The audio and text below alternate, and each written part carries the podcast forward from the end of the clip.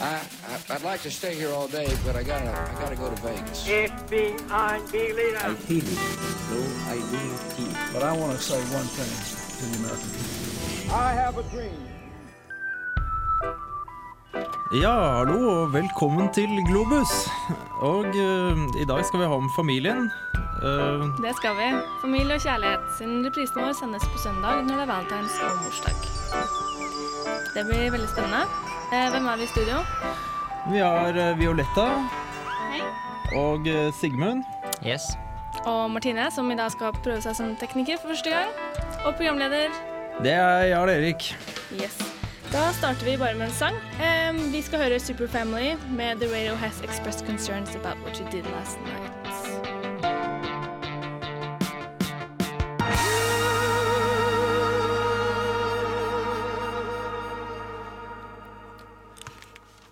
Ja, du hører fortsatt på Globus her på Radio Revolt. Og vi er altså Radio Revolts utenriksmagasin, om vi kan kalle det. Eh, og hva er det vi har for et tema i dag, Martine? I dag skal vi snakke om eh, familie og Valentine's Day, siden eh, reprisen vår sendes på søndag, som er Valentine's Day, og morsdag. Ja, yes. Forholdsvis godt tema, syns vi, i denne uka her. Det ble kanskje ikke så voldsomt uh, utenriksprogram, men eh, vi tar også drar det litt inn eh, familier eh, rundt omkring i verden. Men uh, kjærligheten er internasjonal, da. Ja. Det betyr at det passer veldig bra. Ja, og vi skal starte med noe veldig internasjonalt. Nyheter. Good evening. The following newscast is of utmost importance to the security of our nation. Det populære studielandet Australia går nå inn for strengere innvandringsregler. Disse skal tjene engelsktalende og de med høyere utdannelse. De nye reglene skyldes at landet til nå har vært attraktivt for frisører og kokker, men har en mangel på leger og ingeniører. De nye reglene hjelper søkere som allerede har jobbtilbud, framfor de som kun har kvalifikasjoner eller skal studere. Innvandringsministeren regner med at dette vedtaket vil dempe inntaket av utenlandske studenter på australske universiteter og høyskoler. Antall internasjonale studenter i landet eksploderte i 2001 etter liberale innvandringsregler for studenter ble innført. Det vil nå bli vanskeligere å studere i verdensdelen. Miami Herald. Da fristen for nomineringen til årets Nobels fredspris gikk ut, opprettholdt komiteen sin tradisjon ved å ikke gi ut noen hint om hvem som er blant de heldige. Nominerte skal holdes hemmelig i 50 år. Noen kandidater ble imidlertid annonsert av de som hadde nominert dem. Erna Solberg sto bak en nominasjon av en russisk menneskerettighetsgruppe ved navn Memorial. Dette er en gruppe som ledes av Svetlana Ganushkina og jobber aktivt med Erna Solberg. Ganushkina leder også Civil Assistance Committee, som jobber i regi av Memorial for immigranters rettigheter.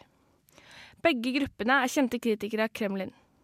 Ganushkina har fortalt russiske medier at hun synes det var flaut å hele tatt bli nevnt i samme åndedrag som andre store rettighetsaktivister. Internett har også blitt foreslått som en nominert av den italienske utgaven Wired Magazine. På Sri Lanka har mennesker som støtter den sittende regjeringen, i dag kastet stein på opposisjonsaktivister under en protest. Sammenstøtene startet utenfor landets høyesterett, der støtter av opinionen hadde samlet seg for å protestere mot arrestasjonen av landets tidligere forsvarssjef, Sarath Fonsenka. Dette skulle være en fredelig demonstrasjon, ifølge aktivistene selv. Og kun starten av en lang rekke demonstrasjoner som vil følge. Støtter av den srilanske regjeringen samlet seg ved bygningen og jaget demonstrantene vekk ved bruk av bl.a. stein. Politiet rykket ut, men gjorde ingenting inntil demonstrantene begynte å slå tilbake. Det ble da skutt tåregass mot opposisjonen. Dette skriver Associated Press.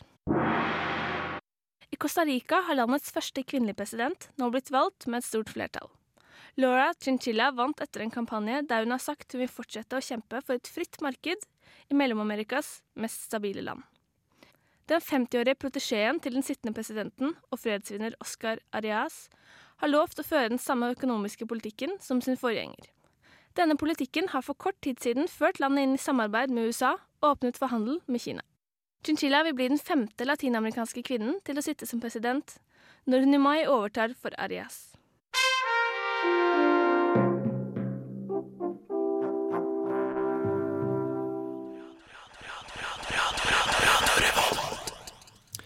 Ja, der hørte vi jo nyhetene Martine hadde laget. Er det noen som har noe uh, kommentar på den? Altså Det første jeg biter meg merke i, er at uh, problemene på Sri Lanka fortsetter. Uh, på tross av at uh, altså, krigen nå er eh, i utgangspunktet over. Ja, altså nå er, vel, det- er det vel mye med presidenten, den nyvalgte presidenten og noe med opposisjonen i det hele tatt. Yes, og det at eh, politiet faktisk eh, ikke gikk til aksjon før eh, Hvis det, rapporten stemmer, da, ikke gikk til aksjon før opposisjonen begynte å slå tilbake eh, med vold, det er jo interessant å se. Ja, Hvis det stemmer. ja. Eh, ja, og det er jo veldig interessant også å tenke på det at vi ikke kan dra til Australia og studere like lett lenger. Nei, det har jo med de, innvandringspolitikken er vel blitt strammet inn på der. Altså, det er jo noe som skjer eh, stort sett over hele den vestlige verden nå for tiden.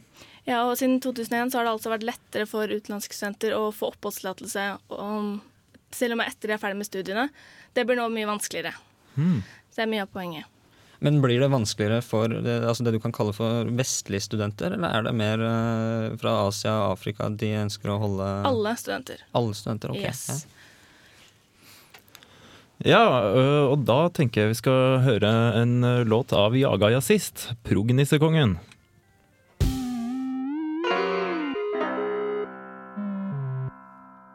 Familien i dag er ikke som den en gang var.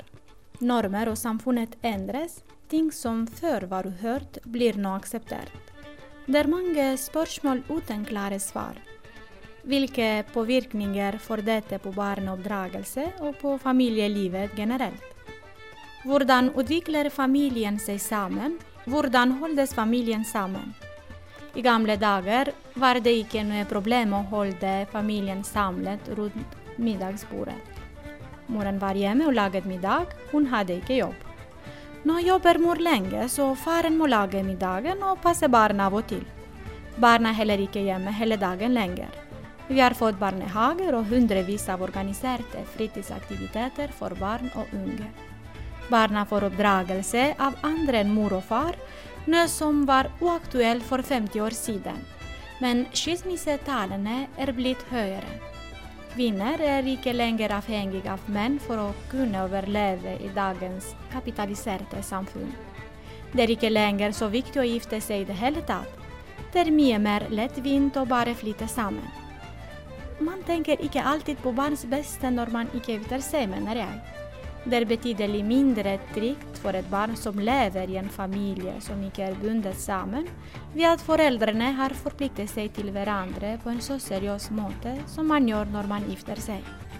Skilsmissebarn har mindre sosiale antenner enn barn som har vokst opp i familier med både mor og far.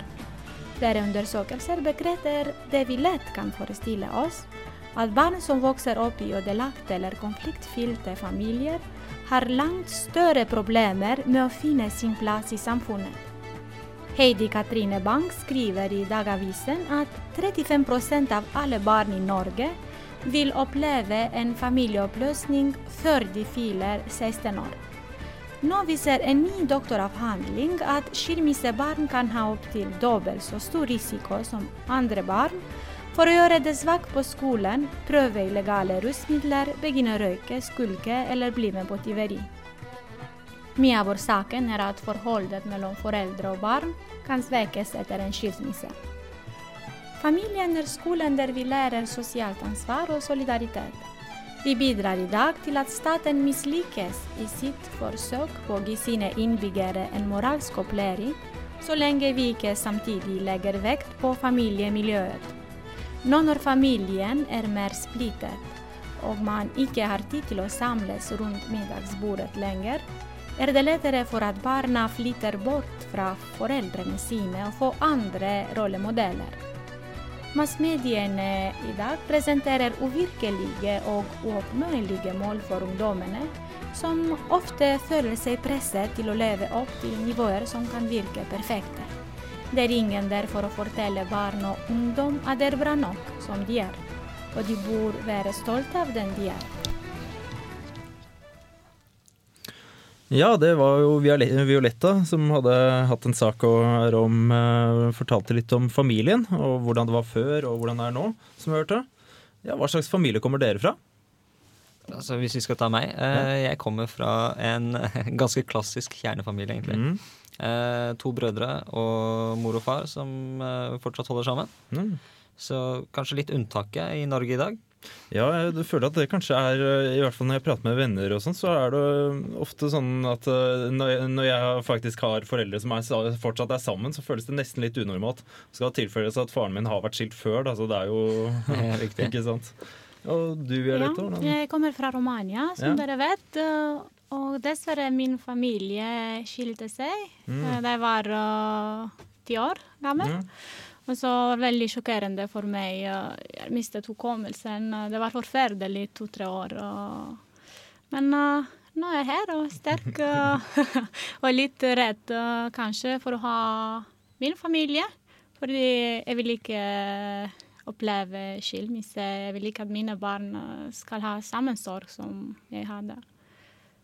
Ja, jeg tror kanskje at det er eh, Tror man kan bli sterkere av skilsmisse, eller er det mer sånn at det er altså fordi det ble klassiske nietzscheanske litt sånn Det som ikke dreper, gjør deg sterkere. Tror du det kan være noe, eller tror du at det faktisk kan føre til problemer senere? Eller? Ja, jeg vet ikke. Kan være sterk, men uh, samtidig også føre til uh, problemer. Jeg må motivere meg selv og alle som uh, hadde dårlig opplevelse fordi familien skilte seg. og må overleve og må være sterke.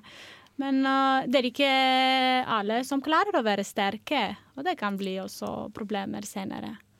Eh, altså For min del så tror jeg det at eh, barn som opplever skilsmisse i tidlig alder, kan, eh, altså jeg tror det kan være litt vanskelig. eh, sånn som du snakker om, eh, Violetta. Eh, Martine, du Um, jeg har aldri møtt faren min. Jeg er oppvokst med moren min, og jeg har ingen problemer med noe sånt i det hele tatt. Og hver gang jeg møter noen og snakker om det, så sier de 'Å, stakkars deg, har du ikke noe pappa?' Og det er jeg skikkelig lei av å høre. For det, det er ikke selvsagt at man har problemer bare fordi man ikke har en farsfigur. Eh, Nei, altså, jeg, jeg sier ikke det. Eh, men det jeg sier er at jeg tror et, et brudd kan være ganske traumatisk for eh, mange barn når de er små. Altså, De er vant til å se at eh, foreldrene er glad i hverandre, at de, de skal være sammen, og det er familien. Og det er liksom de personene som de, som de har vært sammen med helt fra, fra begynnelsen. Og når det plutselig slutter, så tror jeg det kan bli vanskelig. Jeg er 30 år, og jeg sier at jeg savner pappaen min.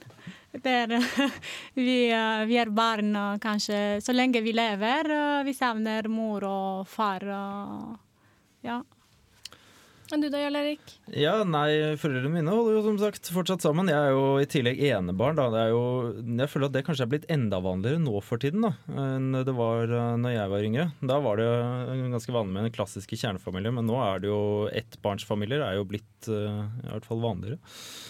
Jeg har fire halvsøsken. jeg. Ja, såpass. Eh, Den eldste er noe 30, og den yngste er 9.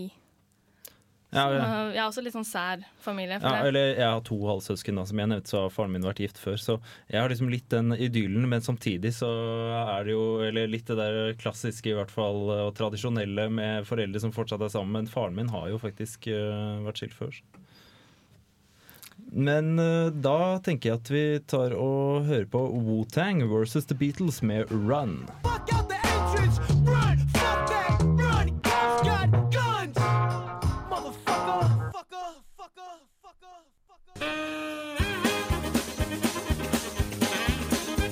I am behind these evil acts. He's a jackass. Gjør som alle store verdensledere og hør på Globus her på Radio Revolt hver onsdag fra 12 til 14. Det eksisterer mange meninger om hvilken rolle øh, familien har i demokratiet, og hvilken det bør ha. Enkelte mener at det er en hjørnesten i demokratiet, andre at det tvert imot er en trussel. Pater familias kan oversettes direkte med familiens far, men ble i det antikke øh, Roma også forstått som eieren av familieeiendommen. I teorien ga loven han makt over liv og død til hele hans utvidede familie. Det er på bakgrunn av en slik verdensforståelse at absolutistiske kongedømmer og aristokrati har legitimert seg. Kongen regjerte som en far overfor sine barn, som skulle adlyde uten å mukke.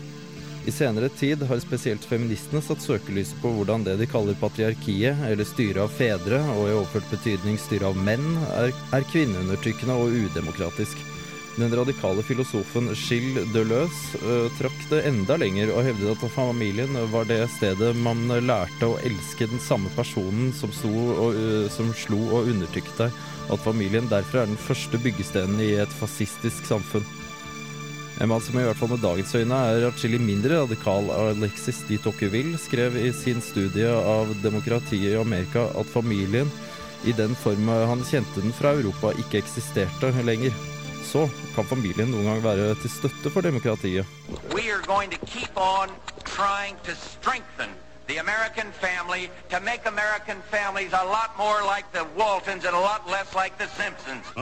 De fleste argumenter for familien som en viktig del av demokratiet stammer fra konservative. Her er et argument at familien kan være et viktig korrektiv til staten, som ellers ville fått for mye makt. Her er gjerne dystopier som Brave New World, hvor staten har det fulle oppdrageransvar, holdt frem som et skrekkeksempel. Samfunnsforskeren Peter Laslett har også foreslått at det ikke var industrisamfunnet som skapte kjernefamilien, slik mange andre samfunnsforskere har trodd, men at kjernefamilien tvert imot var eh, en viktig drivkraft for utviklingen av industrisamfunnet. Den kulturkonservative sosiologen Sigurd Skirbekk finner også at barn som vokser opp utenfor den tradisjonelle familien, har større sjanse for å havne i fengsel og er mer aggressive. Og han antyder at et samfunn med en svak familie vil være et samfunn med en eh, svak sosial sammenhengskraft. Med alle de problemer eh, familier kan føre med seg i forhold til demokratiet, bør vi kanskje allikevel spørre oss hva er alternativet? Yes. Ja, Erik, du hadde lagd en sak der om familien. Stemmer. Ganske interessant greier. Du snakker om pater familias, blant annet. Det Ja, romerske hva, hva er uh, greia rundt eh, pater familias? Det var jo det romerske, altså det med familiefaderen, altså som eh, da på en måte blir han styrte familien, da. Altså Han var eh, på en måte kongen av familien. Og det var vel det jeg prøvde å få frem her. Det med at det, det går over i samfunnsforholdene. da. Altså sånn eh, Kongen styrer over eh, folket som en far, og det samme gjør han over sin familie. Riktig. Eh, hvis du ser på Augustus, så han så jo på seg sjøl som eh, faren til den romerske nasjonen, blant annet. Mm, ja, og altså akkurat dette her det, det som er interessant med familie, er jo også at det går så inn i Hva skal jeg si inn i, inn i språket. For eksempel, altså det ser du jo også i diktaturer. Så altså kaller f.eks. lederen seg for folkets far og i det hele tatt. Big Brother, hvis vi går litt orveliansk. orwelliansk. Ja. Eh, Men hva hva har du kommet fram til? Er, eh, er familien et trussel mot eh, demokratiet? Er det Eh, Det er jo det, det jeg på mange måter har konkludert med, blir på en måte spørsmålet jeg stiller meg på slutten der. Da. Altså, hva er alternativet til familien? Fordi da blir jeg, begynner altså, Det er jo visse selvfølgelig problemer med det, men spesielt kjernefamilien har jo en del funksjoner da, i forhold til det med å ikke minst øh, det at det- er et annet sted enn staten til å lære deg opp, på en måte. Altså, du, det er nemlig, her er jeg faktisk litt enig med de konservative i at du, det blir på en måte en annen ting enn staten som også kan skape en balanse i samfunnet, tror jeg. er viktig? Eh, Jeg husker faktisk en Yes Prime Minister-episode mm. hvor eh, byråkratene, altså sir Humphrey, eh, sier det at eh, foreldre er de med, som er minst skikka til å oppdra barna. De har jo hatt, ikke hatt noe utdannelse inne. Eh, ja, det er jo veldig interessant, og spesielt dette med hvordan det var før og hvordan det er nå. Eh, Men det skal vi jo snakke mer om etter en sang. Og det kan vi jo gjøre. Eller hva? Ja. Hva skal vi høre? Massive Attack med 'Girl I Love You'.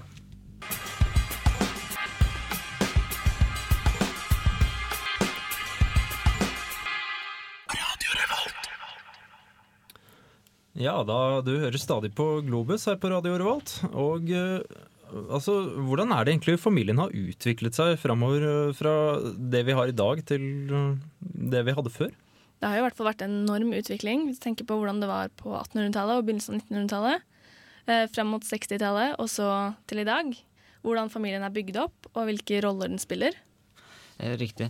Eh, For min del så syns jeg kanskje at eh, det virker som om familien faktisk var sterkere på 50-60-tallet i Norge enn den var på 1800-tallet i Norge, hvor det var mer, mer en enhet som arbeida sammen, iallfall hvis du ser på arbeiderklasse. Eh, På 50-tallet i Norge så hadde vi den klassiske husmorperioden, ikke sant. Ja, absolutt, hvor det var viktig for eh, kvinnen å eh, være på kjøkkenet, passe på barna, ha masse kjøkkenapparater. Det var en veldig fasadegreie, da. Ja, og familien var avhengig økonomisk før enn nå.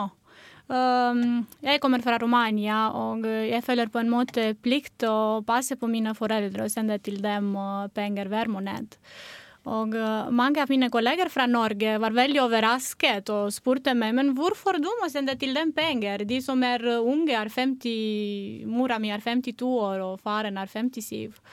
Uh, fordi uh, uh, familien effektivt er avhengig av eh, barna i uh, Øst-Europa. De har ikke nok jobber, og de kan ikke tjene penger. Men her i Norge, eh, kanskje dere har mer avstand uh, på grunn av at dere er uh, alle som trenger.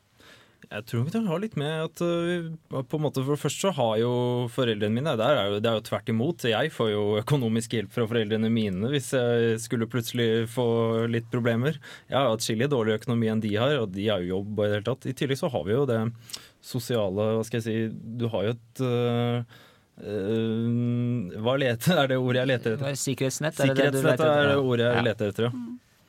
Ja, absolutt. Jeg føler også eh, Jeg prøver å si så godt jeg kan at, eh, at jeg klarer meg selv. Men jeg får jo absolutt, hvis det er noe krise, så hjelper mamma meg. Det er jo en veldig omvendt situasjon av det du har, Violetta. Og det er jo Det har sikkert mye å si på forholdet til familien. Uh, det er mange utlendinger som uh, kommer til Norge, og som blir uh, norske. Men uh, uh, vi som er fra forskjellige land, når vi treffer uh, menn, kvinner fra Norge det er litt problemet av at de kan ikke forstå uh, vår mentalitet. De kan ikke forstå hvorfor vi må betale. Fordi dere kan klare alene uten hjelp. Og uh, her vi må diskutere litt uh, om hvorfor vi må hjelpe de som er uh, vår familie. Ja. Riktig. Nordmenn er mer individualister, altså. Er ikke så avhengig av familien. Er det det Tror du det er noe for seg? Ja, jeg synes uh, det, men også jeg føler meg så, så trist hvis jeg ikke får råd å hjelpe min familie.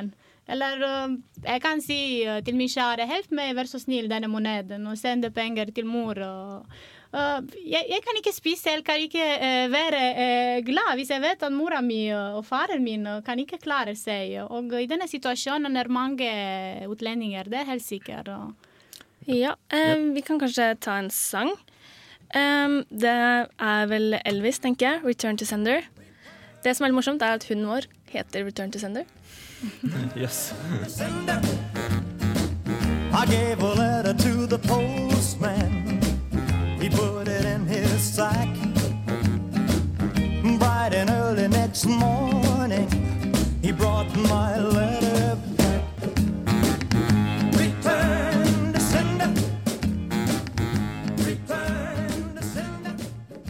Hei, jeg er på Ringve videregående og snakker med elever som uh, går på drama og teater siste år. Uh, hva heter dere? Solvår. Lena. Kaja. Yngveig. Ragnhild. Dina.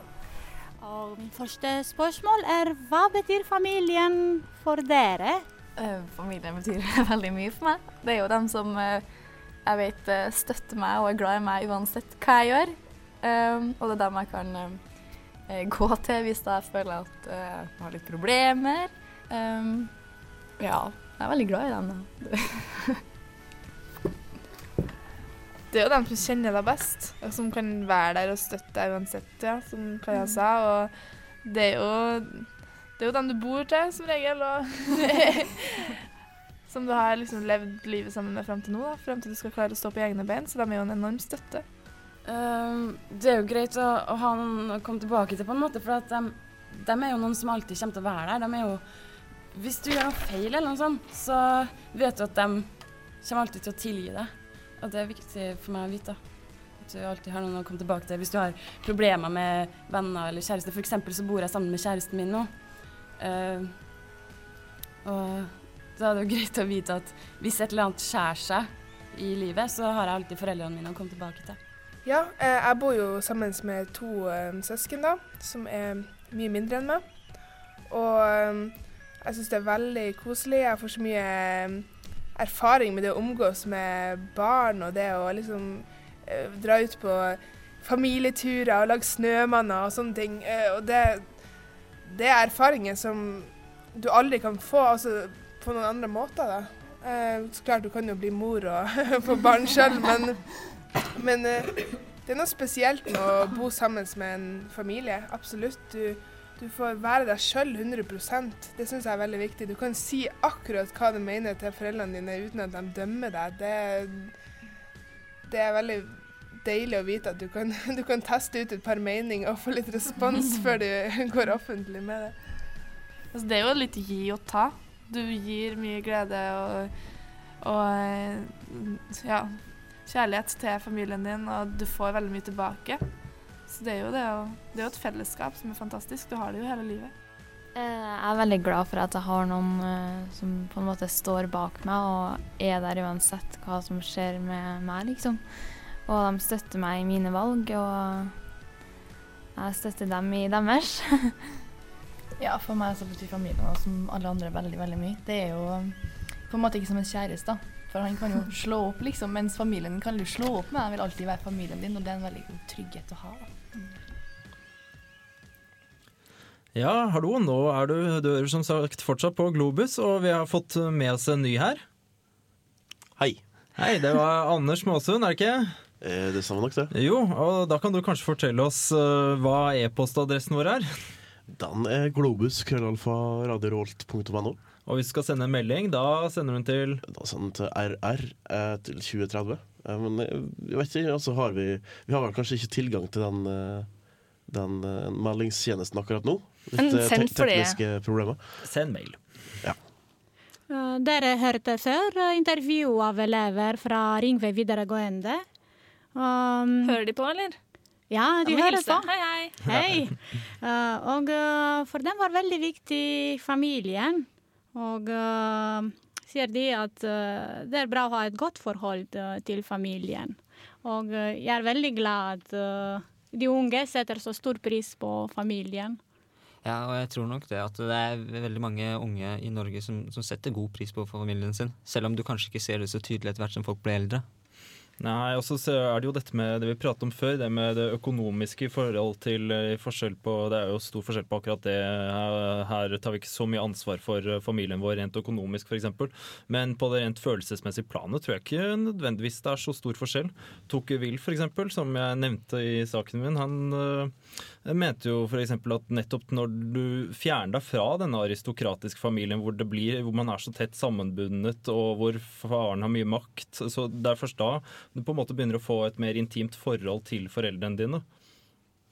Men eh, på samme tida så er det jo også eh, noe som påstår det at eh, venner er altså det nye årtusenets nye familie. At det at du har venner er mye mer viktig da, enn det var tidligere. At venner også kan, kan føles som en, eh, som slags familiemedlem. familiemedlemmer.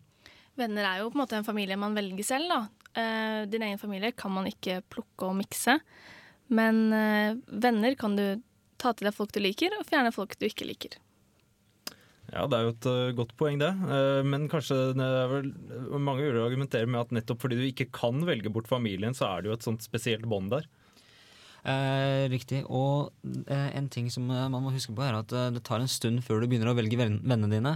Eh, og eh, foreldre og søsken de er der helt, helt fra begynnelsen av. Og de vil nødvendigvis forme deg helt fra starten av, altså når du ofte er mest tilgjengelig til å bli forma på den måten.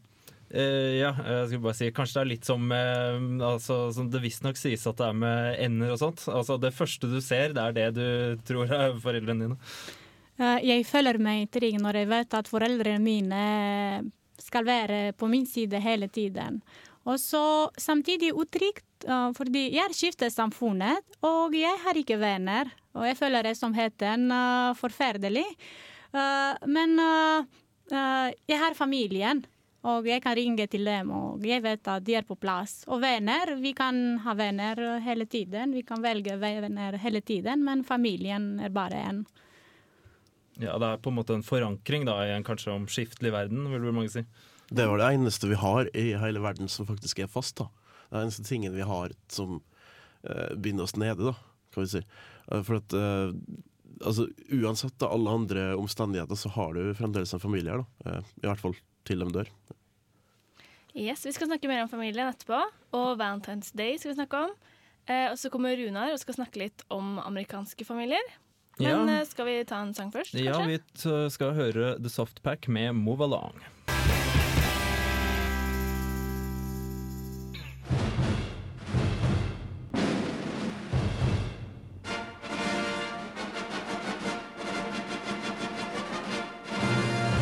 Hvis du elsker Globus like mye som Globus elsker deg, last oss ned i iTunes og ta oss med ut i verden i din MP3-spiller.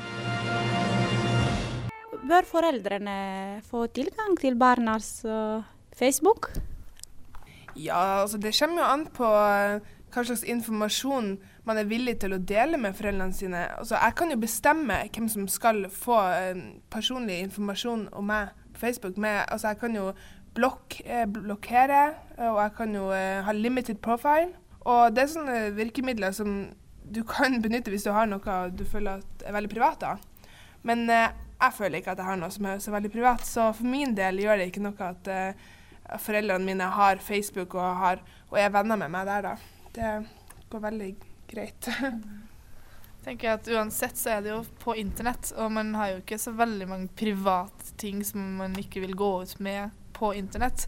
Sånn at, uh, og det at foreldre ser det, det, de ser det jo på lik linje som alle de andre i hele verden. liksom, Kan jo bare gå inn på sida di og se. Sånn at eh, spørsmålet er jo egentlig om foreldre skal ha passord og sånne ting. da, Komme inn på sida di, liksom på din profil. Det blir jo litt feil. Ja, jeg er egentlig enig, men det der med at de kan se alle bildene og sånn som blir lagt ut så Hvis du gjør noe skikkelig dumt på fest, da, og så tar- blir det tatt bilde av og lagt ut, og så ser mora di det Det er jo så veldig gøy. Jeg vet ikke. Eller heller at mamma skal se de bildene, enn at min fremtidige jobbsjef skal se de bildene. Jeg vil egentlig ikke at ingen skal se de bildene. Man må bare være flink og ikke drite seg ut på fest. Ja. Så går det greit å ha Facebook, så alle kan se det. Ja, det var jo et intervju du hadde hatt med noen av elevene dine. Ja, Violetta? det var elevene fra Ringve videregående. Uh, vet du, familien bekymrer seg over hva barna gjør på internett. Mm. Og uh, spørsmålet var, uh, var OK at uh, foreldrene sjekker uh, Facebook. Og de sier OK. Ja, men det er jo noe med det de sier at eh, det, kanskje ikke, det hindrer kanskje at de legger ut sånn altfor mye Altfor ting de ikke ville lagt vist til ellers, da. Men ikke bare det, men også hva de er inne på. Fordi sånn som broren min på ni, som har Facebook-side, det er skummelt at han er så god i internett når han er ni år, og gud vet hva han kan komme inn på. Men altså, skal du, altså, er det lov for en niåring å ha en Facebook-side, egentlig? Ja.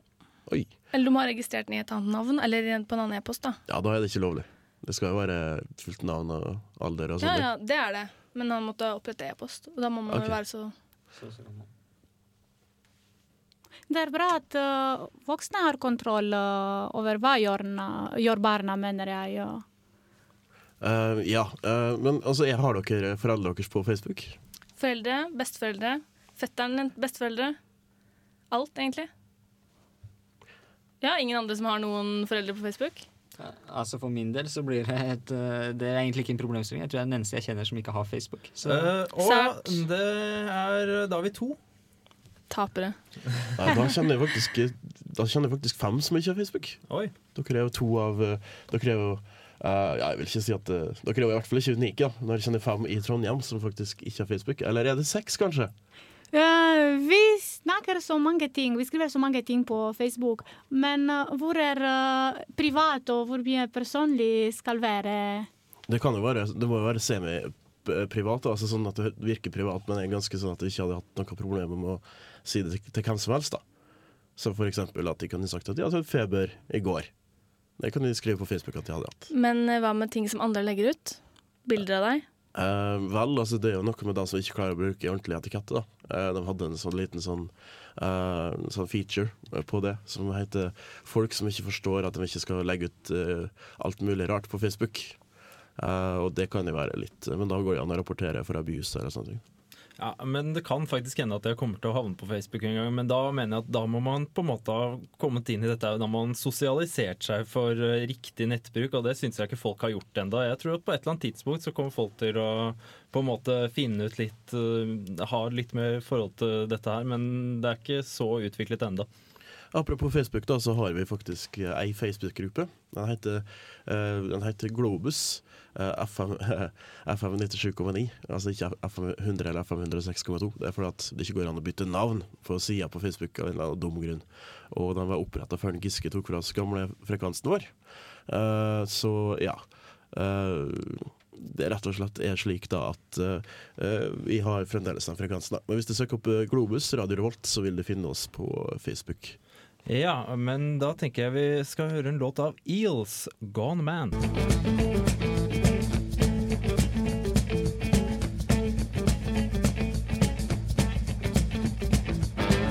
Vi er på Ringve videregående, og vi snakker med to elever som har bakgrunn fra Kosovo og Kenya. Hei. Hei, jeg heter Gime og jeg kommer fra Kosovo. Jeg heter Karl Henrik og jeg kommer fra Norge, men faren min er fra Kenya. Hva betyr uh, familien for deg, eh, Gimme? Eh, jo, familie betyr veldig mye. Det er jo dem som jeg må hjelpe deg videre i livet, dem som former deg til den mennesken du blir. Eh, de er alltid der, og de er de nærmeste personene kan komme til. Ja, det er jo de, de nærmeste personene, og de betyr veldig mye for meg. Og det er jo en trygghet eh, jeg har, så jeg setter veldig pris på familien. Veldig mye. Hva er annerledes eh, i Kosovo og i Kenya i forhold med Norge? Hvordan er familien eh, i disse landene? Uh, I og med at jeg ikke er oppvokst i Kosovo, jeg er jo født og oppvokst her i Norge, så vet ikke jeg helt hvordan kulturen er borti der. Men jeg kan jo tenke meg at uh, de bryr seg veldig om barna sine. Så de gjør alt for å beskytte dem og for å gi dem den utdanning, utdannelsen de trenger. Uh, sånn ellers er de veldig like her i Norge òg, kan jeg tenke meg. Um, altså, jeg er jo oppvokst i Norge, så jeg er oppvokst med en norsk familie, så jeg er liksom litt ukjent på hvordan de gjør i Kenya. Men jeg vet at de er veldig knytta til hverandre, og de er, er veldig mye sammen og uh, kjenner hverandre og har uh, slektninger som de har kontakt med og sånn. Og jeg vet at familie for dem er veldig viktig, akkurat sånn som det er hos oss i Norge. Så jeg har òg et veldig nært forhold til mine foreldre. Ja, det var Violette som hadde intervjuet noen minoriteter på Ringve videregående. Ja, de mener at eh, de føler seg trygge med mor og far i nærheten, og familien er veldig viktig. Og eh, som vi sa, som vi har snakket før, det er ikke så stor forskjell mellom hvordan barna i Norge ser på familien, hvordan eh, barna fra andre land eh, ser på familien. Men de to barna var født i Norge. Mm. Ja, så det er kanskje litt vanskelig å si nøyaktig hvor stor forskjell det er. Men du Runar, du har jo hatt en sak nå om eh, amerikanske familier, har du ikke? Jo, det stemmer. Eh, Det er jo litt morsomt, eller morsomt, det er i hvert fall interessant å se på hva som har skjedd med den amerikanske kjernefamilien etter finanskrisen som vi har fremdeles nå gående. Det starta å rulle i 07, vi har hatt flere spesialandeler på Globus, og er det fremdeles etterdønningene er vel tydelig ennå borte i USA. Men det som er spennende å si, er at det her har jo gått utover familieøkonomien, og familieøkonomien er veldig viktig i USA. Familieøkonomien er det som er grunnlaget til måten de kan eksistere på i samfunnet. Altså, først må de, liksom, de har en prioriterte eh, lista, så det var en undersøkelse blant amerikanske familier hva man prioriterer. Og da er det med å kunne gi familien sin et godt måltid, det å kunne gi dem et sted å bo, det å kunne ha medisinske altså det medisinske på plass, for de har litt andre ordninger med forsikring og sånn enn det vi er vant med her i Ja, Norge. Og ikke minst så var det det med å ha eh, faktisk komme høyt opp, råd til bensin, sånn at man kan kjøre med bilene sine. Og så kan vi le litt i Norge, men vi må også huske at det er litt annen avstander ofte det er snakk om, og hvor avhengig man er av bil, kan fort være i USA også gjennom det å kunne gjøre jobben sin. Eh, det som var spennende, er at bak bensin så kom avsetninga til utdannelse. Og da kan vi begynne å tenke på Altså I Norge så har vi et offentlig skolesystem der vi må måtte sørge for at alle får tilgang til ikke bare til grunnutdannelse, men også høyere utdannelse. I USA så vet vi har en kjøttmodell der ofte må betale skolepenger for å komme inn på de utdannelsene man har lyst på. Eh, Det som har skjedd nå med en vridning i økonomien, er jo at eh, den ordinære familien og de som kommer fra eh, fattigsligere kår, eller iallfall ikke den lavere middelklasse, som det så fint heter, de har ikke lenger råd til å putte ungene sine inn i høyere utdannelse. Noe som vi har gjort til at USA har jo jobba knallhardt for å få en vridning til at alle skal ha rett til høyere utdannelse, mens nå har vi nå fått tilbake den vridninga vi har hatt tidligere, særlig på 70- og 80-tallet, med at det er kun dem som kommer fra en velstående familie, som får høyere utdannelse. Og det er en veldig uheldig eh, vridning som man først kommer til å se konsekvensene av om kanskje fem-ti år, der man ser at eh, de familiene som ikke har rukket å komme seg opp, nå blir da holdt videre nede med at man ikke får tilgang til den utdannelsen man med utgangspunkt har lyst på, rett og slett for at familien ikke har råd til, til å betale utdannelsen de skal. Ja, fordi jeg kan tenke meg at eh, spesielt eh, hvis det finnes noen som virkelig er dyktige, og så har de ikke eh, råd til å studere, rett og slett. Det må, må jo være det har visse samfunnsomkostninger også, som man kanskje ikke tenker på der og da. Helt klart. Og så ser man fra fra et makroøkonomisk perspektiv også, så er det jo utrolige ressurser som landet USA går glipp av, med at så mange dyktige hoder ikke får ta den utdannelsen man potensielt kunne ha bidratt med. Og man ser også at veldig mange av dem som er drivende dyktige, jobber seg og sliter seg mer eller mindre i hjel i gåseøynene med deltidsjobber for å ha råd til å finansiere de her eh, dyre tuition fees, eller skolepengene. Som gjør til at eh, de ikke klarer å levere de resultatene de ellers ville ha gjort, pga. at de har, over, ikke har kapasitet rett og slett til å kunne gjøre den jobben de kunne ha gjort ellers. Og så det er jo utgangspunktet så er det jo Det er jo én ting med dem som tar utdannelse med nå, men hvis du ser på USA under ett, da, så er det jo ca. Så tidlig med dem som virkelig er talleksperter der ute, men ca. 310 millioner innbyggere i USA. Eh, USA opplever nå en veldig høy arbeidsledighet med 10% arbeidsledighet på landsbasis, opp til så mye som nesten 30% i enkelte stater. Da begynner man selvsagt å se problematikken rundt det hva de opplever i USA nå. Og når du får et så desperat skrik etter jobber, så får du også en eksepsjonelt sterk kamp om, eh, om jobbene som faktisk er der ute. Noe som selvsagt industrien i USA vet å utnytte. Noe som de nærmest har anbudskonkurranser på stillinger der de- du tilbyr deg hva du trenger i årslønn. Så er det den som har best utdannelse eller en best helhetspakke som, til, som gir seg selv lavest mulig lønn, da, som får jobben. Og sånn måte så kan man da se på at det er en rå utnyttelse også av arbeidskraft som man ser i USA. Så det er en helhetlig trend da, som er med på å påvirke hvordan det hele henger sammen. Ja, det påvirkes jo som sagt også det du nevner med at det er familien som rammes her, først og fremst. Ja, det rammes jo i dobbelt forstand. Én med at du har familieøkonomien som utgangspunktet for om deres pode eller podinne skal få mulighet til å ta høyere utdannelse. Og to, hvis man kommer seg ut i arbeid, så får man også en sånn pressa lønn, sånn at eh, alt av penger du tjener, går rett inn i fam- nære familien igjen. Som gjør at du ikke har avsetninger til at igjen den poden kan ta høyere utdannelse.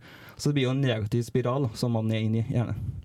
Ja, nei, det, når du blir så dårlig med jobb, så er det vel egentlig bare best å ta seg ferie. ja. for det skal har i hvert fall bandet Satan Takes a Holiday gjort. Og her kommer de med låten 'Missy'.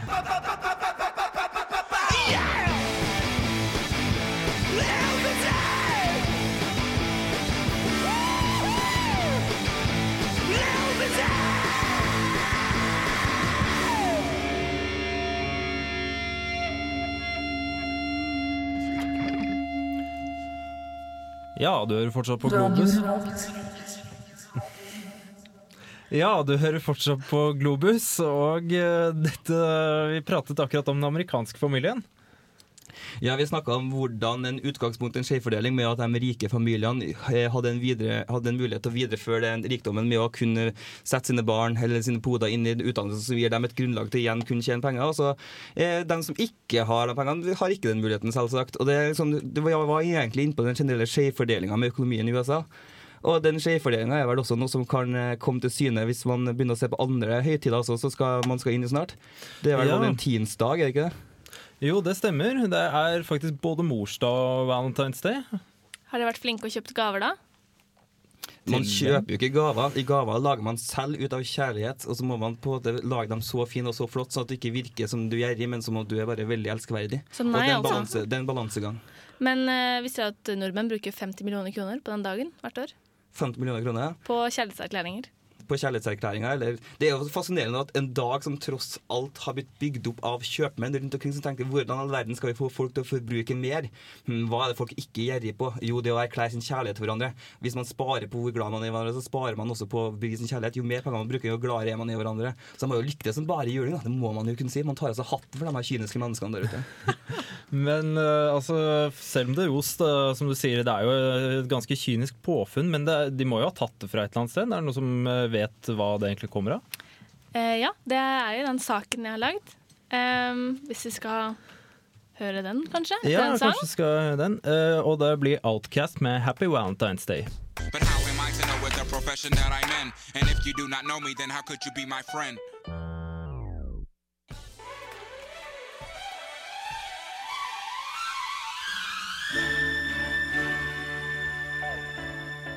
Valentine's Day.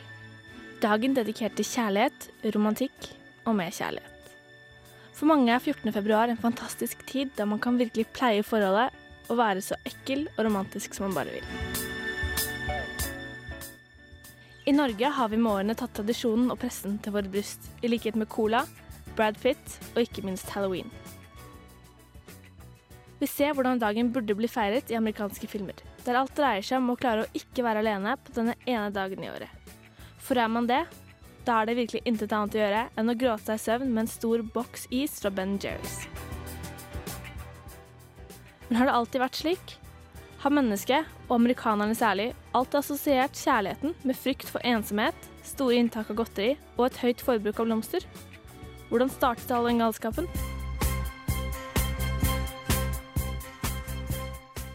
Historien om Valentine's Day opprinnelse er et mysterium. Det er uenighet om Valentine var prest, doktor eller martyr. Den ene historien påstår at Valentine trosset keiser Claudius, som nektet soldater å gifte seg. Den andre mener at han var en prest som nektet å oppgi sin kristne tro. Begge historiene har samme utfall. Valentine ble dømt til døden, og i tiden han satt i fengsel, skal han ha forelsket seg i fangevokterens blinde datter. Dagen før sin henrettelse skrev han et farvelbrev til henne, undertegnet med Dean Valentine. Og etter dette begynte den store, lodne rosa snøballen å rulle. I Storbritannia ble Valentine's Day populært på 1600-tallet. Og på midten av 1700-tallet var det vanlig at unge elskere og venner, både i Storbritannia og USA, utvekslet små, håndskrevne lapper. Dette har måttet vike for masseproduserte kort, i stor grad fra Hallmark. Julen er i dag den eneste høytiden som overgår Valentine's Day i utveksling av kort. Ifølge The Greeting Card Association sendes mer en milliard kort denne dagen. Og dette er bare i USA. 85% av disse blir kjøpt av kvinner. Det er blitt klart for de aller fleste at denne dagen ikke lenger dreier seg om å fortelle hverandre hvor mye vi setter pris på vennskap og kjærlighet av alle slag, men at penger er blitt en viktigere drivkraft bak høytiden. Den 14. februar hvert år bruker den gjennomsnittlige amerikaner bortimot 150 dollar på blomster og kosebjørner. Dette utgjør en sum på til sammen 13,7 milliarder dollar. 375 millioner dollar blir også brukt på valentinsgaver til dyr.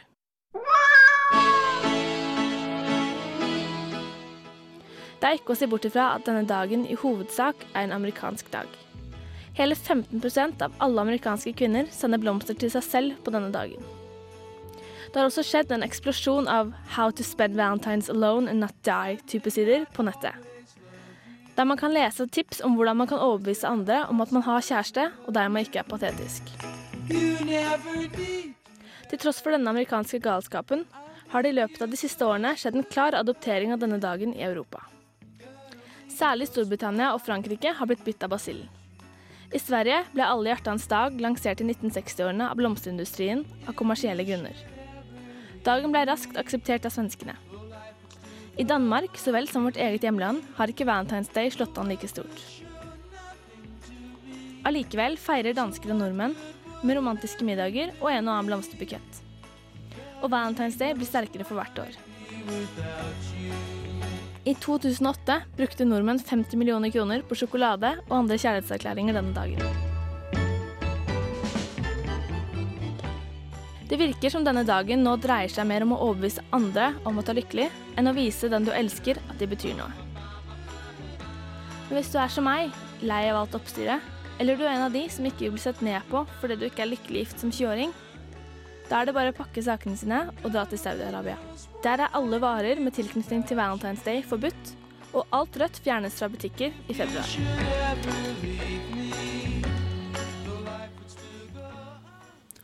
Ja, der fikk vi en sak fra Martine om uh, Valentine's Day. Er det noen her som egentlig har noen traumatiske opplevelser i forhold til Valentine's? Ja. Eh, jeg har jo prøvd det der nå. Jeg har kjøpt et kort én gang. Ah. Ja, eh, Det begynner å bli en god stund siden nå. Jeg tror jeg var 17 på den tida. Så var det ei jente som jeg var ganske forelska i, da som jeg kjøpte et kort. Selvfølgelig, Jeg turte ikke å skrive noe ordentlig inn i det kortet, så jeg skrev bare 'tenke på det'. Og så ga jeg det til henne i gangen på skolen, og så sprang jeg. Ah. Uh, og det gikk skikkelig, skikkelig, skikkelig skikkelig, skikkelig dårlig. Hun var ikke videre interessert, for å si det sånn. Ja, ja. Men, så det, eh, etter det så har jeg hata valentinsdagen og alt som har med hjerter og bamser og alt mulig sånn. Ser jeg en bamse med et hjerte, så har jeg lyst til å skyte den med hagle, full av, full av eh, termitt. Uh, termitt sånne små termittkuler som, som, som settes fyr på idet du treffer objektet. Du har tenkt litt mye på det her, Anders. Forretningsidé, det der. Ja, det, der sier du noe. Men når jeg tenker valentinsdag, da, så tenker jeg forbruk. For det var jo, vi ble jo quota med en hel del tall der. Og det var utrolig hva, hva du sa Hvor mange millioner av dagen man svidde av gårde på forbruk på valentinsdagen? 50 millioner her i Norge, i hvert Eh, fall. bare i USA 13,7 milliarder. Ja, ikke sant? Og da kan man begynne å si hva er rota til det her forbruket, da?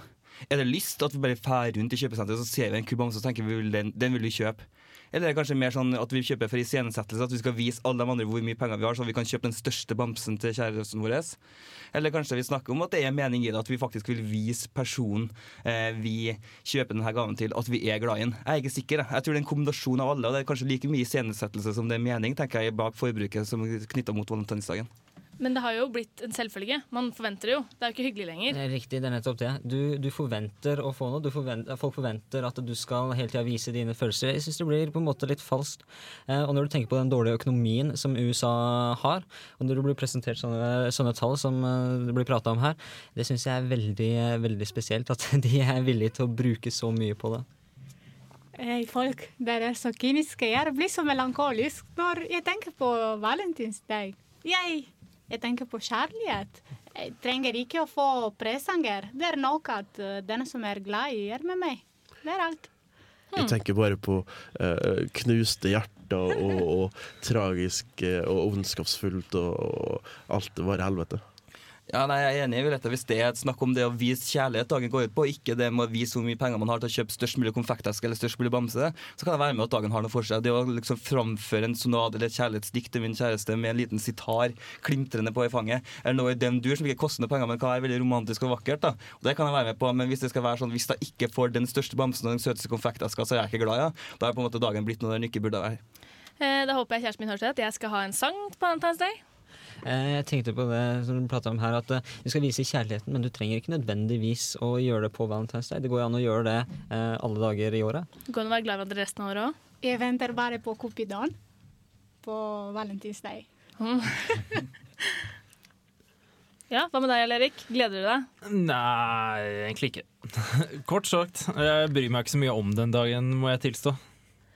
Nei, da er vi to. Um, vi kan spille en sang som forklarer litt hva det vi føler for Valentine's Day, eller Erik? Ja, det er The Beatles med 'Help'.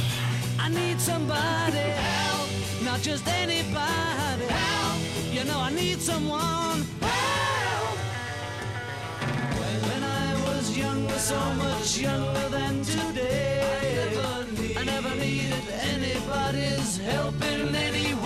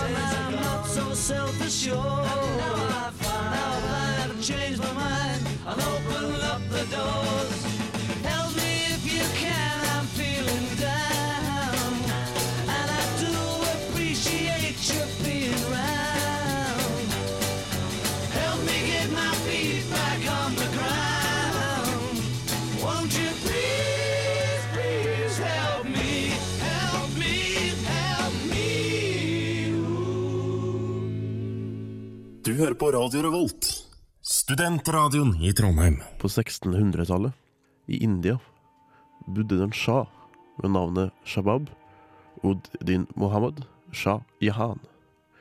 Populært bare kalt Shah Jahan. Fra ung alder var han på sett og vis en stor mann. Hans framtid som shah var satt i stein, og hans imperie var i den tids målestokk ganske stort. Over tre millioner kvadratkilometer, noe som i dag tilsvarer sirkus 20% av dagens India. Som 15-åring gifta han seg med hun som skulle bli hans store kjærlighet. Hun hadde det klingende navnet Arjuman Banu Bengum, eller som han så kjærlig kalte henne, Mumtaz Mahal, palassets juvel. Han ble også etter hvert gift med to andre, men dette var ifølge dem som kjente han, rent politiske giftermål. Mumtaz Mahal blei med sin kjære Shah på mange korstog. Til tross for hennes hyppige svangerskap, og alt i alt fikk de til sammen 14 barn. Og det var under fødselen av det siste barnet det gikk galt. Fødselen og reisinga ble for mye for Mumtaz, og hun segna om og døde. Når sjahen fikk beskjed om det som hadde skjedd, gikk han inn i en dyp sorg og forsvant ut av syne fra nokken. Han ble ikke sett i hoffet på ei god stund, og når det først ble sett igjen, hadde hans tidligere mørke og fyldige skjegg blitt grått. Ikke lenge etterpå blei det også helt kvitt. Da han kom tilbake, kom han med en ny misjon. Han skulle bygge det største mausoleet i hele verden over sin døde kone. Han skulle bygge Taj Mahal. Det blei et storslått byggverk. Bygginga ble påbegynt i 1632 og sto først ferdig i 1653. Tusenvis av kunstnere og håndverkere jobba med verket. Hovedfokus var på gravkammeret, et symmetrisk og åttekanta bygg med både persiske og muslimske trekk. En stor dom på toppen, en såkalt løkdom etter design, i marmor og dekorert med mange lotustegn. Fire minaretter står rundt og rammer inn gravkammeret. Hagen, den er på 300 kvadrat, og hele sulamitten er innrammet av røde sandsteinsbygg. Og her ligger også Shahens andre kone gravlagt, samt hans favorittkjenner. Når Shahen sjøl døde, ble han også gravlagt ved siden av sin kone. Fra hele Asia kom det varer, og alt i alt måtte man bruke over 1000 elefanter for å transportere alt fram til byggestedet. Taj Mahal er i dag et av verdens mest kjente byggverk. Og det er kjent som en juvel i persisk og muslimsk kunstverk. Ikke nok med det, men den representerer hvor stor del av livet kjærligheten er.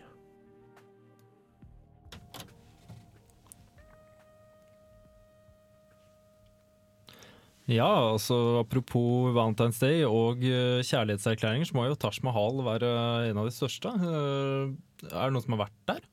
Det var meg.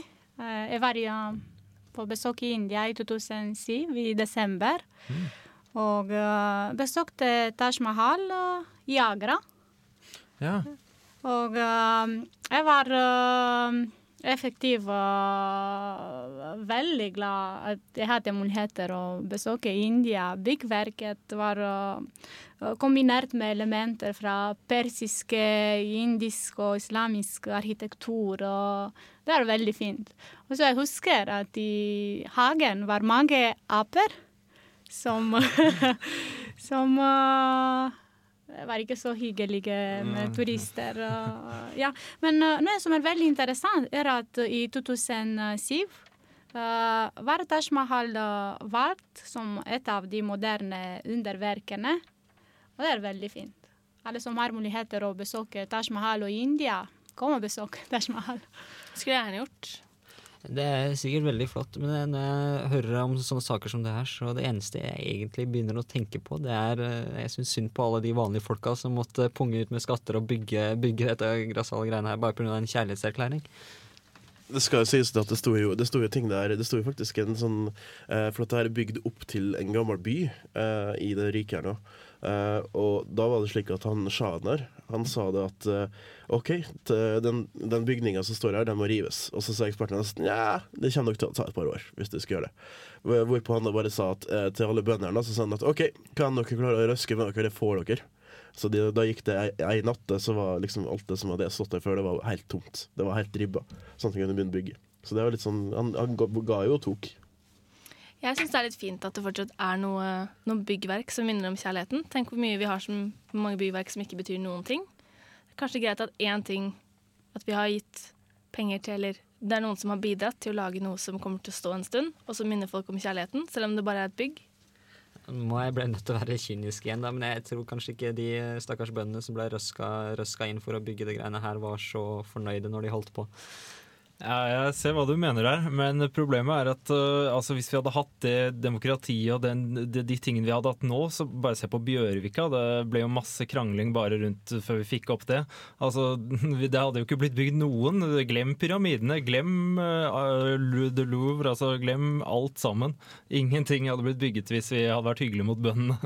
Nei, det er, også, det er en grunn til at vi har et uh, togsystem som omtrent ikke fungerer nå. Og det er jo en grunn til at ja, det har skjedd sånne uhell som Romeriksporten for eksempel, og sånne ting. da. Eh, det, er jo, det er jo ikke fordi at vi er slemme med bøndene. Det er heller at vi, hvis du skal ta et veldig veldig kynisk standpunkt, at vi lar plebianerne, eller pleberne, eh, da eh, få lov til å leve sine liv eh, og være livsnyttere til en viss grad. Eh, Så det vi kan ta ut av det her, er at uh, dere mener at uh, vi er faktisk for demokratiske. Vi får ikke bygd noen flotte byggverk lenger. Nei, altså det er, fint, det er fint for oss, men uh, det er ikke så fint for ettertiden. Um, nei. Um, kanskje vi, Violetta, du har vært skikkelig produktiv. Du har lagd masse bra saker i dag. Uh, du har vært på videregående, på der hvor du jobber. Ja. Vi har snakket i dag om kjærlighet og om familien. Og um, en av spørsmålene mine uh, var for lærere som jobber på Ringve videregående. Um, og på hvilken måte kan familien påvirke skolen? Da tror jeg vi bare skal høre den saken, rett og slett. Vi snakker med lærer fra Ringve videregående. Hei. Hei. Anne Sofie Eckhoff Salvesen. Hei. Kjerstin Engvik. Astrid Vasseljen. Hvor viktig er det å ha et godt samarbeidsforhold til hjemmet? Jeg som er kontaktlærer i første klasse syns det er veldig viktig. Eh, Foreldre må komme på banen og følge opp elevene og interessere seg litt for hva de holder på med på skolen. Jeg er kontaktlærer for eh, 18-åringer, og da må jeg ha samtykke fra elevene hvis jeg skal snakke med foreldrene. Ja, Det er jo ikke alltid at uh, elevene sjøl snakker så mye hjem. Så det merker vi når vi får mulighet til å treffe foreldrene. At uh, det er å få en direkte kontakt med å gi informasjon og fortelle hva vi gjør på skolen, det er viktig, da. Og I hvilken grad kan familien påvirke skolen? Ja, Det er vanskelig å svare på. Eh, Vi har jo våre læreplaner å følge eh, osv. Men det er klart at foreldre må jo mulighet via barna sine til å hjelpe barna til å få best mulig læringsmiljø. Eh, være behjelpelig med informasjon om elevens bakgrunn. Hjelpe til med å prøve å se om vi kan tilrettelegge skolens, eller elevens hverdag på skolen. Så det er viktig at eh, foreldrene støtter lærerne og skolen, og får elevene opp om morgenen og får dem til å skjønne at det er viktig å være til stede på skolen. Ja, og jeg tenker også litt på sånn motivasjonen til elevene. At den kan være litt opp og ned i de her tre årene. Og hvis det er foreldre som er stødig bak og sier at det er viktig å jobbe med skole, så er det til god hjelp for oss. Mm. Uh, hvilken tema tar foreldrene oftest opp på foreldremøtet? Det er litt forskjellig, men eh, ofte litt sånn praktiske ting. Hvordan de greier Hvordan skal de følge opp elevene på best mulig måte? Eh, litt teknisk ting med fravær eh, på data, som nå er overført på data. Hva slags planer vi har framover, og hvordan lærerplanene blir fulgt opp på skolen, og hva elevene skal sette fokus på. Det kan også være spørsmål om permisjoner, ferieturer, den type ting. Mm, det er mye tekniske ting, som søknader og søknadsfrister. Og, ehm, så er det jo når man har sånne individuelle samtaler at man kommer mer inn på den enkelte eleven. Ja, det var et intervju med lærerne eh, på Ringve videregående skole. Og hvilken effekt har egentlig læring på, på lærere på familien og i det hele tatt? Tja, eh, jeg vet ikke. De er iallfall de som har utdannelsen til å lære opp, eh, lære opp barna, i motsetning til foreldrene. Ja, sånn som som vi snakka om litt tidligere. Men eh, jeg, jeg tror nok det at eh, når vi snakker om familie, så tror jeg at eh, altså, Som jeg har sagt tidligere, at familien har stor innvirkning på hvordan et barn blir lært opp. Men lærere og skole og venner, ikke minst på skolen, har nok også betydelig. Og i, et, i et samfunn sånn som vi har snakka om tidligere, i, som Norge, hvor familien blir mindre og mindre viktigere, så vil du nok kunne se at eh, lærere og skolen ikke minst eh, står for en større og større del av oppdragelsen eh, av barna. Det er jo kanskje ikke alltid like positivt. Eh, Jeg føler det må absolutt være et samarbeid der, fordi det kommer folk som ikke er oppdratt til å begynne på skolen. De oppfører seg jo ikke ordentlig, og det, det at en lærer skal oppdra 30 elever, det går ikke. Det går ikke når ikke to foreldre klarer det engang. Og så er det jo slik at eh, det er jo kanskje de folka som får litt sånn oppbacking hjemmefra, som gjør det best på skolen òg. De som da faktisk får hjelp med leksene, de som da faktisk foreldre spør litt om hvordan det går på skolen og sånne ting, som er de som gjør det best. Familien kanskje skal implisere seg mer i barnas oppdragelse. Det er veldig viktig en samarbeid mellom foreldre og lærer. Bare på denne måten barnet vårt kan få alt som, som er viktig. Ja, altså Det klages jo stadig vekk om at det er for lite ressurser i norsk skole. Eh, og det blir kanskje å legge altfor mye bør på skolen hvis de i tillegg til å utdanne barn, skal, faktisk skal oppdra de også. Sånn som mange lærere faktisk blir tvunget til å gjøre, særlig på barneskolen, men også til en viss grad på ungdomsskole. Altså. Ja, og mye av problemet er at man ikke har penger til assistenter til enkelte barn som trenger mer støtte. F.eks.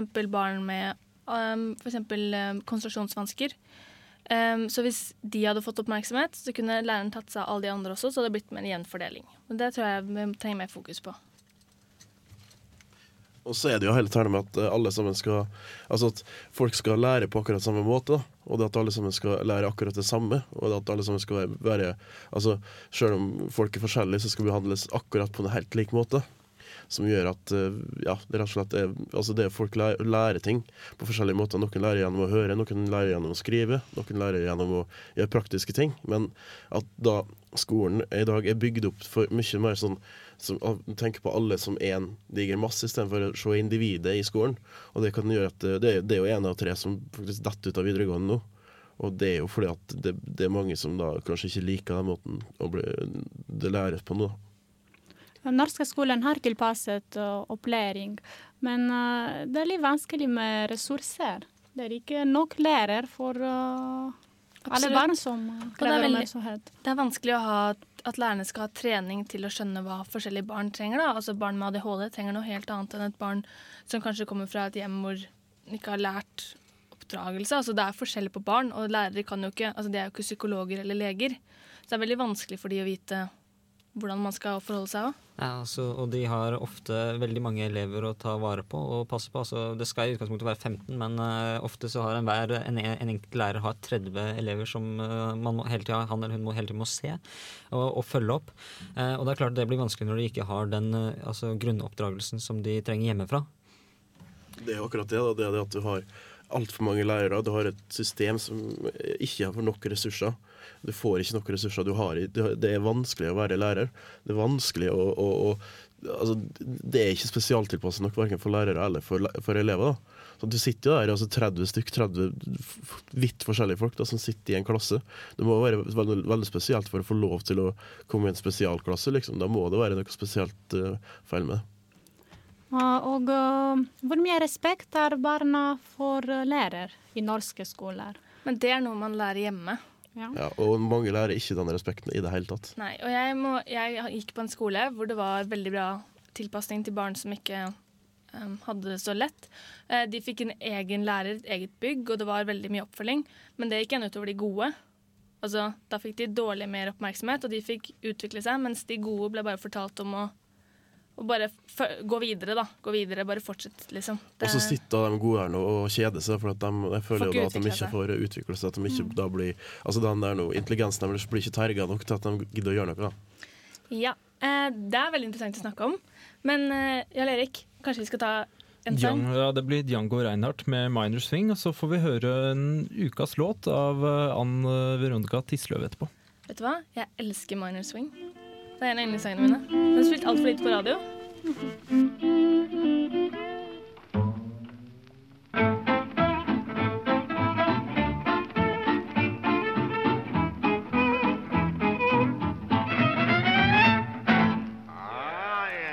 det er valentinsdagen denne vekka her, så har vi valgt at ukas internasjonale låt skal være en spansk poppa versjon av god, gammeldags flamencomusikk. Bandet er Gypsy Kings. De kommer fra Frankrike, men er etterkommere av flyktninger fra den spanske borgerkrigen. Derfor så synger de på spansk. Vi har her en god blanding av fransk og spansk lidenskap. Gypsy Kings er veldig kjent utover verden, annet for Bamboleo og El Mariachi fra filmen Desperado.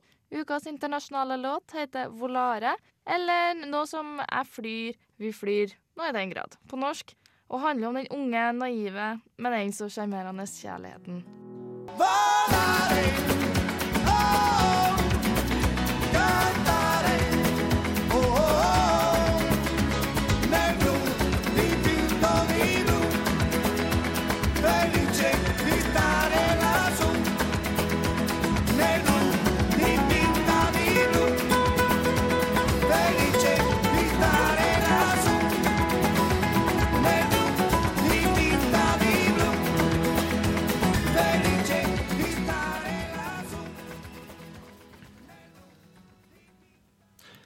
Ja, det var eh, ukas uh, Globus-sending. Og eh, det vi har jo hatt om familien i dag, og i den sammenheng så ønsker vi jo å eh, Altså, vi ønsker å hilse til eh, en viktig del av familien for oss, og det er jo morsdag. Så ja, hei, mamma. Hei, mamma. Eh, gratulerer med dagen, vet du. Fryktelig glad i deg, mamma. Og eh, jeg vil si eh, hei, eh, madam Brodal, at du er så glad i meg. Eh, ja, det er også Valentine's Day. Hei til alle kjærester. Og hør eh, selvfølgelig reprisen vår på søndag, som er Valentine's Day. Eh, last oss ned i iTunes, eller hva? Jo, det må vi gjøre. Og så blir det nok en spennende, veldig spennende sending neste uke. Eh, hva vi har om, det er en hemmelighet. Den som uh, lytter, får uh, høre, får vi si. Den som lytter, får høre. Yes. Uh, hvis du har, en, hvis du har eh, et tema som du har lyst til at vi skal ta opp, hvis du har noen mening om det vi har drevet med her i studio i dag, eller bare generelt mening om ting som skjer i utlandet, uh, send oss en mail til globus.krøllalfa.radiorevolt.no. Gjør det. Vi er veldig interessert i å høre alt dere tenker om oss. Unnskyld. Uh, hvem har vi vært i studio i dag? Det har vært meg, Jarl Erik. Violetta Basa. Anders Waasen. Sigmund Grønli Bolme. Og Martine Feste Ellefsen. Og vi må ikke glemme Runar. Runar har vært her som vår alltid ekspert på alt. Ja, og da gjenstår det vel eh, bare å si takk til tekniker, Martine. og eh, ha det bra. Ha det bra. Ha det bra. Ha det. Gjør som Obama. Hør på Globus hver onsdag fra 12 til 14 her på Radio Revolt.